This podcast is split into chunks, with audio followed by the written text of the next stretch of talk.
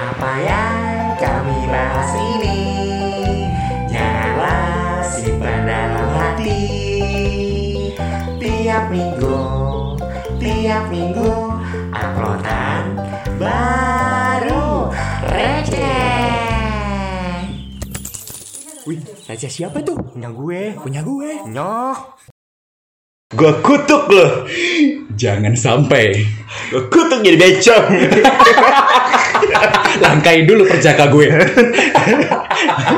Podcast kita berlanjut ya, Bu. Iya. Oke. Jadi memang uh, apa sih tentang kutuk dan keperjakaan? Nggak- nggak ada nyambung. korelasinya, nggak ada korelasinya. karena baru sekali podcast kita dirilis, udah ribuan yang minta Betul banget. request dari Ya. mimpi gue sih. sampai kita kebawa mimpi tau nggak? Nah, ngomong-ngomong masalah kutuk mengutuk ya. Aha. Nah, jadi kita dulu pernah tuh ya zaman kecil pasti tahu yang namanya eh daungoy. Jangan. Daungoy. Dongeng. Dongeng. Oke, balik Mulut lagi. Gue Yudi, Dan gue Surya. Rizal, Rijal Surya. Rizal perkutuk. Rizal perkutuk dan Yudi terkutuk. Jadi kita pengen ngebahas dongeng yang masih kita ingat sampai sekarang. Iya, betul kita banget. kan generasi old ya. Enggak sih, kita 90-an. Uh, generasi setengah old. setengah old. Jadi uh, old millennial, Hampir old. old dead. Tapi belum sold out ya kita ya. Jangan, Jangan belum. dulu. Jangan, dulu. Gue masih pengen uh, menikmati masa muda gue. Dan bikin podcast yang sebanyak-banyak banyak banyak dulu ya jadi buat kalian yang pengen MC ya boleh hubungin kita Kita jualan apa sih? suara. Oh, jualan suara. Iya, kita Jadi memang eh, tema hari ini adalah membahas tema atau membahas tema. Lu grogi. Dongeng. Waktu kita kecil dan masih terngiang sampai sekarang itu apa yang kita pikirkan Oke. dan masih eh, dalam benak kita itu dongeng apa aja. Dan kita akan bahas pada kali ini. iya. Lu ini formal banget ya. Kayaknya podcast ini disponsori oleh Gayung Cedot Disponsori oleh Harem Kroat. Oke, gue gue mulai duluan ya. Iya, boleh. mulai duluan. Saya ingat gue karena gue emang basically bukan anak seni. Kalau Rizal emang anak seni ya Zal ya. Iya. Tapi seninya tet gitu. Nggak boleh disebut di sini. Nggak boleh, Nggak jangan. boleh. Ya udah gue sebut alamat aja. ya. Jangan, ntar langsung ke rumah nyariin gue. Iya, nagih utang. Jadi kalau gue sih seingat gue dulu sering banget dan memorable banget itu Hmm. adalah eh, maling kundang. Nah, karena dari tempat gue kan, dari Padang. Oh ya betul banget. Iya, yang pakai suntiang. Santuang. Jangan sembarangan loh. Pendengar gue banyak Padang. Ditombak loh. Jadi Lanjut. kalau Padang itu kan emang memori banget Aha. soal dongeng perdongengannya. Mm, Kebeber-dongengannya kan.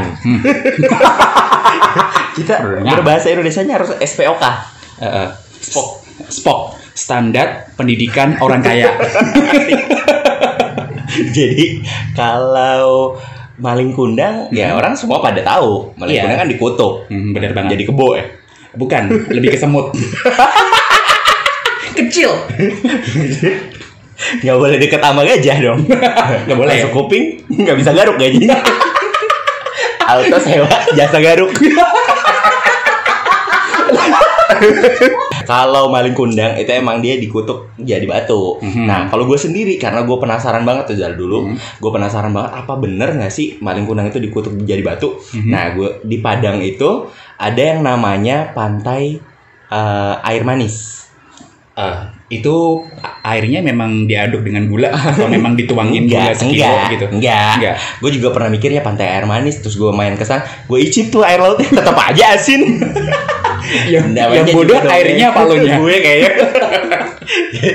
Jadi emang emang emang namanya pantai air manis. Ya. Nah di situ ada tuh eh, peninggalannya batunya maling kundang, Hmm. terus kayak eh, bekas kapalnya maling kundang, terus tambang Tambangnya. tambang apa tali tambangnya kapal maling kundang itu beneran ada. Uh, iya. Ih, masih sampai sekarang. Cuman dari pemerintahnya, ya ini sekali lagi ya buat pemerintah, ya tolong dijaga yang kayak Hmm. gitu. Oh, Karena iya, betul sekarang banget. tuh mulai mulai tertimbun sama pasir pantai. Karena itu memang salah satu heritage banget ya dari Ah, tempat lu ya. Iya, Gitu ya. iya, maling kundang siapa yang nggak tahu ya kan? Mm-mm. Kayak emak gue aja kalau gue nakal dikit gue kutuk lu ya. gitu. Pernah lo, mama lo yang eh, marah sama lo, gue kutuk lo, jadi kupu-kupu. Jajarwo dong.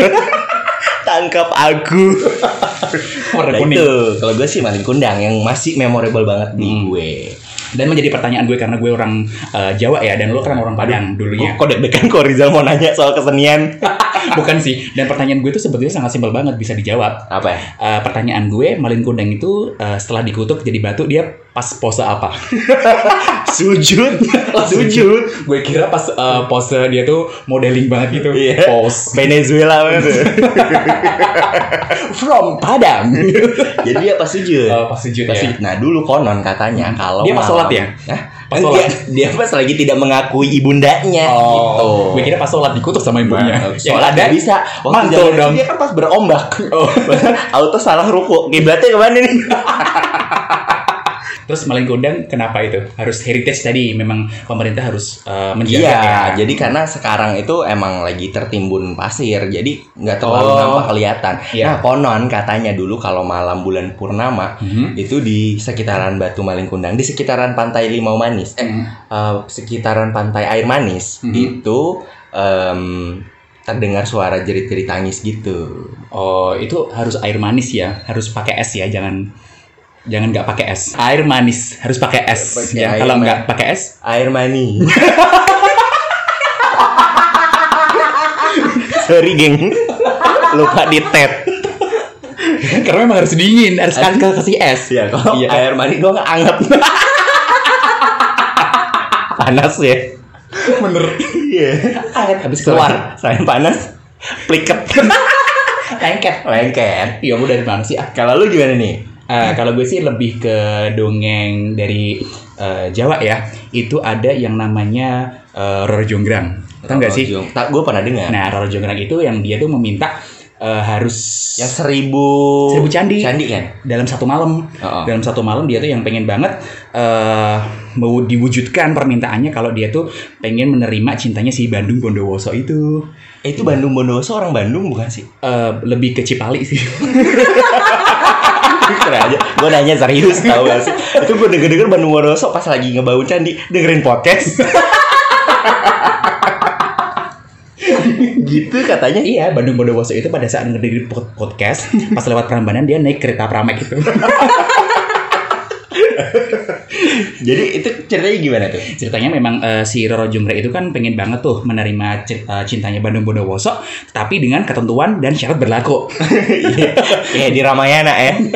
Islam 70 80 syarat ketentuan berlaku.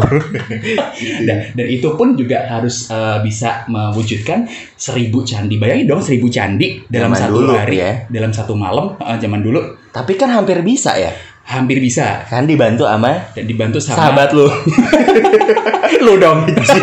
Ajar loh, Pak.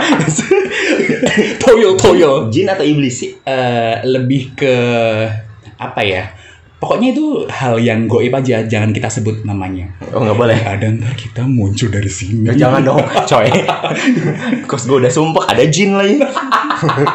Jadi itu Jadi yang dibantu, eh, jadi dibantu dalam satu malam tuh sebetulnya mau bisa cuman Roro Jonggrang itu dia mempunyai itikat buruknya dia tuh eh, membangunkan de- gadis-gadis desa. Dulu tuh masih banyak gadis. Sekarang Jadi boti menjamur.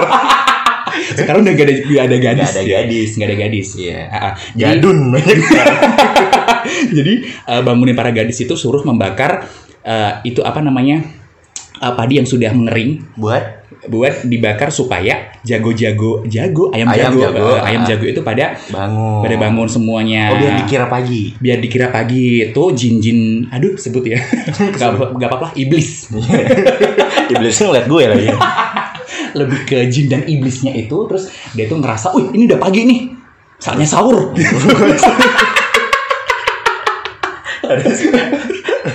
Ayam-ayam langsung berkokok. Oh, insar. Eh, Jonggrang itu memang akhirnya membe- eh, membatalkan itikat Untuk buruknya. menerima. Mm, Oh. itikat untuk menerima itu memang dia tuh nggak sebetulnya nggak cinta dengan Bandung Bondowoso itu yang dari Bandung tadi Oke. Eh, Jadi hampir jadi. hampir Berapa jadi. candi? dan akhirnya itu 1000 kurang satu jadi 999 ya Oh gitu. Heeh, jadinya yang terakhir itu adalah setelah Bandung Bondowosonya itu dia tahu si Roro Jonggrang itu membatalkan itikat baiknya untuk menerima dan pada akhirnya Roro Jonggrang sendiri dong dan jadi candi yang ke seribu Siapa yang ngebuat dikutuk? yang dikutuk. Ya Roro Jonggrang ya. Iya, Roro Jonggrang dikutuk sama Bandung Bondowoso akhirnya. Oh, Gitu. jadi Indonesia ini ramai dengan dongeng perkutukan ya. Iya. Tadi cerita gue dikutuk Gue juga dikutuk. sama netizen. jadi itu Mm-mm. Ada lagi loh. ada gue. Ah, itu yang dari Jawa Tengah ya, oke dari Prambanan. Nggak siapa sih Oh, orang yang nggak tahu ya, Prambanan? Prambanan, oke. jadi Ah. kalau lu tuh eh, pergi ke Candi Prambanan pasti ada itu dari eh, apa namanya patung Roro Jonggrang tuh pasti lihat loh. Oke oke oke oke oke. Nah kalau gue lagi balik lagi sih ke Padang lagi Mhm. tentang Siti Nurbaya. Iya. Uh, Siti Nurbaya sama Siti Nurhaliza apanya? Beda itu datu eh. Terus ada sepupu yang Siti Maimunah tuh. Terus ada tuh neneknya Siti Badriah. yang jual gorengan barusan ya. Jadi teman-teman yang denger tahu nggak? Ini podcast nggak pakai mikrofon. Jadi semua masuk ya. Jadi semua masuk. Jadi antara liur Rizal dan liur gue tuh membasahi layar handphone. Hujan lokal. Kalau gue sih tentang Siti Nurbaya. Siti Nurbaya, gimana tuh ceritanya? Sampai sekarang tuh kan ada jembatan Siti Nurbaya tuh di. Oh, iya, ada, ada? ada, ada. Oh. Makanya yang belum tahu jembatan Siti Nurbaya, subscribe channel YouTube gue ya. Ada tuh Lost in Padang part berapa gitu jembatan Siti Nurbaya. Lu yang main. Gue yang main. Jadi Auto apanya? nggak jadi di subscribe Lu jadi apanya di situ? Enggak sih, gue cuman nge-review jembatan Siti Nurbaya Oh, doang. Gue kira lu ikut main. Ngevlog gue. Mm-mm. Nah, gue kira lu ikut kalau- main jadi itu mur dan bautnya jembatan. lampu eh Lampu masih kecantikan lu. Eh, Bagus tau jembatan Siti Jadi Nurbaya aspalnya. digulung buat lomba Agustusan. Siti Nurbaya lanjut. Lanjut. Nah, kalau Siti Nurbaya itu kan bercerita tentang eh, orang tuanya yang punya banyak utang. Mm-mm. Gitu. Ah, Dan akhirnya dia nggak bisa ngebayar utang, akhirnya ngejual anaknya si Siti Nurbaya ini Di lintah darat dong. ke Iya bener. Hmm. Iya, akhirnya dijual lah Siti Nurbaya ini untuk menebus utang piutang orang tuanya ke Datuk Maringgi. Nah, Datuk Maringgi itu salah satu pengusaha zaman dulu Yang yang, ada di terkaya raya ya dia. terkaya raya. Eh, Tahu lah Datuk Maringgi setua apa ya kan ya. Mhm. Nah gitu, ini dia dijual ke Datuk Maringgi Siti Hmm. Nurbaya. Cuman yang gue masih bertanya-tanya itu kebenarannya Siti Nurbaya itu eh, matinya apa bener dia bunuh diri atau enggak? Itu sih yang masih bertanya di gue. Oh, jadi memang dijual sama ibunya sendiri untuk Hmm, menebus hutang-hutangnya eh, ya. tertekan Hmm. itu bunuh diri. Gitu sih ceritanya. Eh, bisa jadi itu si Siti Nurbaya bunuh diri di jembatan itu. gue ngerasa dia keracunan deh. Soalnya bersuami yang udah kadaluarsa. Oh, berarti si Datuk Maringgi itu memang udah tua banget ya? tua banget. Kira-kira berapa tahun? 80 ada? lebih deh kayaknya. Widih, itu yang ada sebetulnya, ih, gue jadi Siti Nurbaya harusnya nggak boleh mati. kenapa ya Gue itu harusnya minta sama si Datuk Maringgi itu Eh? suruh balik nama dulu akte, akte tanahnya. Habis itu, iya, Iya. tahta dan segala macamnya eh. dibalik nama kita dong Siti Iya. Nurbaya. Ah. Terus habis itu kita kasih tuh racun. jadi Datuk Maringgi diracun, mati. Udah semua akte tanah ke gue. besoknya si Nurbaya masuk insert harta gono gini Siti Nurbaya balik tahta harta gono gini gitu Oh, begitu ceritanya Siti Gitu, Nurbaya. Sampai Nurbaya. adanya jembatan Siti ada aja Nurbaya. jembatan dan makamnya ada Oh iya, ada makamnya di daerah mana itu? daerah Padang dekat dari jembatan Siti Nurbaya berapa satu kiloan itu ada namanya Gunung Padang. Mhm. Nah di Gunung Padang itu kita bakal kalau mau naik ke Gunung Padang kita Mhm. tuh ngelintasin makamnya Siti Nurbaya. Wah, sebetulnya itu asik banget ya venue yang buat uh, Ah. pariwisata di itu ya. Nah. Harusnya kita ke sana tuh bareng-bareng. Boleh kapan? Mm. Yuk pecet tiket. pecet pesen pesen tiket di mana? Pesen tiket ya, Ah. langsung di. Tiket.com mau ke mana? Semua ada tiketnya. Nggak sponsor ya. Tapi kalau mau juga nggak apa-apa sih. Gak apa-apa tiket.com, boleh dong kita di endorse. Kalau apa lagi Zal? Ah, kalau gue sih uh, ada nih cerita Jawa yang sampai Famous. sekarang tuh famous banget, Ah. sampai sekarang tuh masih bahkan pernah dijadiin suatu episode FTV di salah satu channel YouTube. Eh, channel YouTube, channel Stasiun TV. stasiun TV. Ah. Ah, adalah Timun Mas. Teman-teman. Mm-mm. Begitu. Ya, Timun Mas itu Waktu itu gue jadi biji mas itu. gue jadi jarumnya. Oke lanjut. Nah, jadi Timun Mas itu memang eh, dia dilahirkan dari sebuah Dilahirin, dilahirin. dilahirin. Jadi memang dia tuh bukan dilahirkan dari eh, seorang wanita, Bukan dari dinding rahim dari ya. dinding rahim ya, dari Tapi dari timun. dari timun, benar banget yang timun dibelah pada akhirnya ada bayi di situ. Berarti yang membuat simbiosis mutualismenya itu adalah cacing. Cacing tanah, cacing cacing di tanah. Cacing ya. Ya, Bergenti. iya dong. Cacing kawin keluar jadi tanah timun.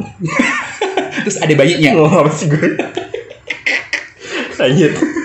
Jadi memang timunnya itu uh, sebetulnya memang si ibu ibu-ibu ibu rondo ya rondo itu Rondo kan sama. yang nggak punya suami ya Janda. janda itu kan pengen banget punya anak tuh dan Mm. pada akhirnya dia tuh minta sama si buto ijo buto Oh, ijo ya. Nah, dan Hmm. sebetulnya uh, bisa sih gue kasih anak tapi uh, lu harus ini Bisa ada sih gua kasih anak berapa persen mau ya? Bisa sih. tabung sampai anggur. bisa sih gue kasih anak yuk masuk kamar Tuh rondo main sama buto. Robot. lu nggak usah bayangin rondo sama buto jadinya apa coba apalagi butonya ijo lagi Iya, Robuju. Wujud. yang ada keluar kuluk Jadi akhirnya dikabul dia mengiyakan. ya terus akhirnya Si Rondo ini. Oh, rondonya tuh dia oke lah eh, si buto ijo punya anak ya gitu. "Hmm, gue kasih anak tapi ada syarat dan ketentuan berlakunya lagi Ada, iya. Eh, ada Pasti si Rondo berpikir, oh, Berpikir. nggak apa deh, lumayan bantu bantu nyapu di rumah. Bikin adonan tepung. Jadi jual gorengan gua rasa si Rondo. Jadi memang eh, syaratnya itu besok kalau anak lo udah gede harus menjadi mangsanya gue, harus gue makan. Oh, harus Gitu. heeh. Buto hijau ini apa sih? Buto ijo tuh dia yang Ini raksasa, raksasa. heeh. Hmm. raksasa. Jadi timun mas besok kalau udah gede dikasih bumbu roiko, kayaknya dimakan Rujak. Lebih ke rujak kayaknya timun masnya. Iyain. Heeh, diiyain sama buto ijonya. Terus akhirnya si eh, mbak rondonya itu tadi Juga mengiyakan. Ya mengiyakan dia setuju kan. Deal-dealan. Deal-dealan. Pakai materai nggak mereka? Hmm, mungkin iya. Tanda tangan hitam di atas Hitam putih. di atas putih. Pulpennya pilot. Yang butuh hijau standar. Maternya enam ribu. Legatingnya pakai lidah. Lebih keliur ya. Boleh gitu dibolehin. Ya, dan akhirnya boleh suruh ke kebon. Dan akhirnya si mbok rondonya itu dapat sebuah timun yang berbentuk emas dan pada akhirnya dibukalah timun tersebut ada belatungnya ya timun emas tadi dong. Pas belatung. nggak ada bayinya bayinya itu seorang cewek cantik nah pada akhirnya terus di eh, Beri apa nama. namanya, diberi nama timun mas itu dan Hmm. akhirnya dia di ya bahasa Jawanya diopeni Dipelihara. dipelihara Heeh. eh, di, di apa sih dikembang biakin bukan dikembang biakin dong lebih ke Dipelihara. diasuh. Dirawat lah. Dira, Heeh. dira, dirawat diasuh sampai gede dan pada akhirnya udah gede nih si timun mas mungkin udah 17 plus ya 17 sos boleh masuk keluar jam 2 agak ngawang ya kok gelap gitu dugem ternyata timun mas suruh dugem. Iya. mungkin dulu ada dugem di gua. Bisa jadi sih bisa jadi. Heeh. Ap- apa namanya lampu diskotiknya pakai korek. Nyalain hidupin nyalain. Atau enggak senternya cepat cepat on off on off on off gitu kan nah, Oke. terus setelah 17 plus agak pada ngasal ya dongengnya kalau kita yang jelasin.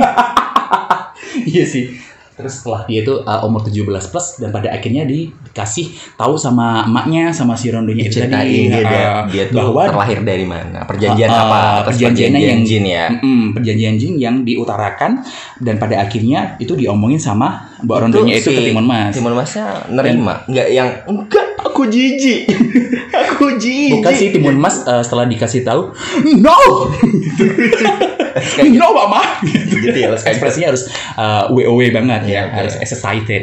Ya, terus? Oke. Dan pada akhirnya di situ terus gue caranya gimana nih supaya biar terlepas dari genggaman buta hijaunya. Ah, ah. Dan pada akhirnya karena butuh hijau pasti ngincar terus dong Iya, kenapa sih harus buta hijau? Kenapa nggak ungu atau Iya, pink gitu kan? bagus ya Lebih cantik. Blackpink gimana tuh Jangan. Nanti dia ada koreonya kalau Blackpink. Orang banyak yang bayar sulit. atau yang dulu dulu deh Apa ya? Cherry Bell aku diam-diam suka kamu I want you. itu siapa tuh Itu Cherry Bell Iya, JKT48. Jangan sembarangan lo Jangan sembarangan lo Jangan sembarangan lo Jangan sembarangan lo Banyak fansnya lo jika di 48 Oh iya banyak banget ya. Iya Gue juga fansnya JKT48 tau gak sih? Kok nggak tahu tadi? Yang lagunya Banyu Langit itu kan. Pamer Bojo kalau nggak salah deh. kan ya, jadi itu akhirnya eh, si Timun Mas dikasihlah sebuah kantung di mana kantungnya itu ada tiga barang Apakah gerangan tiga barangnya itu adalah yang pertama flash disk Fiesta, sama pelicin flash disk Fiesta, sama Durek? Timun Mas udah ngapain ya kira-kira Jual diri lo. jangan pulang sebelum matahari terbit pantang pulang gitu. sebelum dureko habis Aduh. Jadi lanjut. Jadi di kantong itu memang ada tiga barang. Yang pertama adalah eh, jarum, terus yang kedua itu ada apa namanya Garam. Eh, garam, dan yang satunya itu yang amis-amis bau amis. Terasi. Terasi. Heeh. Aduh, mau ngomong terasi aja ribet banget. Nah itu tiga barang tersebut dan pada Gue tadi akhirnya hampir nyebut ketek kuli. 11-12 ya sama terasi ya. Heeh. Terus Terus eh, akhirnya itu dikasih sama Timun Mas dan finally dia tuh lari terbirit-birit karena dikejar oleh meninggalkan ibunya. Eh, karena dia ingin melarikan diri dari si Buto Ijo. Hmm. Dan pada akhirnya Timun Mas lari dong terbirit-birit dan yang pertama dikeluarinya adalah flash disk. di situ distelin lagu Pamer Bojo dan pada akhirnya Buto Ijonya joget dia. Enggak, ini entah apa yang merasuki lo. Iya, entah apa. Berarti Auto banget. TikTok udah zaman butuh hijau ya. Udah zamannya Timun Mas. Udah ada itu. Jadi yang pertama dikeluarin itu adalah jarum. Jarum. Jarum pentul. Auto butuh hijaunya tutorial bikin hijab. eh lu Timun Mas ngapain keluarin jarum pentul? Lu Sora J- jadi jabrek ya tutorial hijab Gi. Lumayan sekarang Google AdSense. Duitnya gede. Hmm, batuk lo. Kesel apa lo jarum? trafik Terus. dan pada akhirnya jarum tersebut itu jadi sebuah bambu besar yang runcing Hmm, dan itu menusuk si kayak zaman penjajah ya. ya lebih ke penjajah yang belum punya Senjata. apa, senjata Hmm. orang-orang pribumi kita ya Hmm. pakainya yang bambu-bambu runcing kayak gitu dan pada akhirnya bambu runcing tersebut eh, menusuklah ke badan si buto, Buto ijo. ijonya itu tapi itu Eh, semua secara butuh hijau kan rasa-rasa paling masuk pori-pori doang. Apaan sih? kayak debu nempel Gatel. Enggak gitu kalau udah nyebut hijau. Gimana? Enggak cuh gitu. gimana yang ada keluar keluar ya. yang ada keluar ontak Terus, Habis terus itu, akhirnya bisa dipatahin, mempan. nggak mempan, Mempan. dipatahin dong bumbunya yang runcing-runcing tadi karena kan Itu salahnya si ini berarti siapa Si Timun Mas, Mas. Karena Kenapa? nggak pakai mantra. Gue tombak lo. Bag ditombak gitu ya. Siapa yang mau nembak kalala gitu. Harus pakai mantra dulu. Harus pakai aji-ajian ya. berarti nggak nggak mempan. Nggak mempan pada akhirnya. Terus dikejarlah lagi si Timun Mas sama si Buto Ijo Ayo kejar aku, tangkap aku Jarwo. tangkap aku gitu. Eh Buto Ijo sini gitu. Gila manja banget. Cuman masih agak lenje ya. Itu Timun Mas apa banci? Ngodek banget. Berasa dikejar kantip tuh timur. langsung ke bawah jembatan lorong. Pokoknya ada suara peluit, "Ih, ini langsung gitu. Takutan. Takutan, iya. Nah, dan itu uh, yang kedua akhirnya ditaburinlah sebuah terasi. Oh terasi dulu. Hmm, terasi dulu. Yang kedua Number terasi. two. Uh, number two is terasi. Terasi. terasi disebarin dan jadilah sebuah lumpur lapindo. So lumpur Rapindo baru 2000-an deh. Itu zaman Timur Mas sudah ada. udah ya, udah ada Udah. lumpur. Bukan lumpur lapindo sih lebih ke lumpur hidup ya. Oh, lumpur yang Lumpur nyedot ya. Iya, yang menarik ke dalam Wow. sanubari. Suka tuh gue. Bahasa yang lain yuk. Gue suka disedot-sedot. gue juga suka tahu. Apa sih Asal nggak es? asal nggak kena gigi aja. Ah. Terus se- setelah jadi eh, apa namanya lumpur hidup tadi, Hmm. itu bisa dong menyedot si buto ijonya ke bawah tanah. Tapi dia tuh masih bisa lolos lagi. Mm-mm.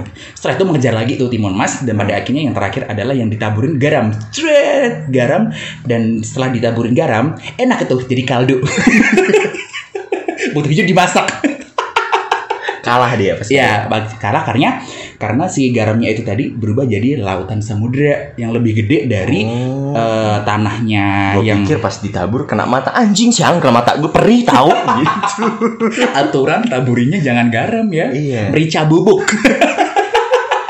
Ini merica bubuk gitu. Sama saus cabe gitu kan. Kasih Jinomoto dikit biar jadi goblok Botejo. Auto lo. Botejo generasi micin.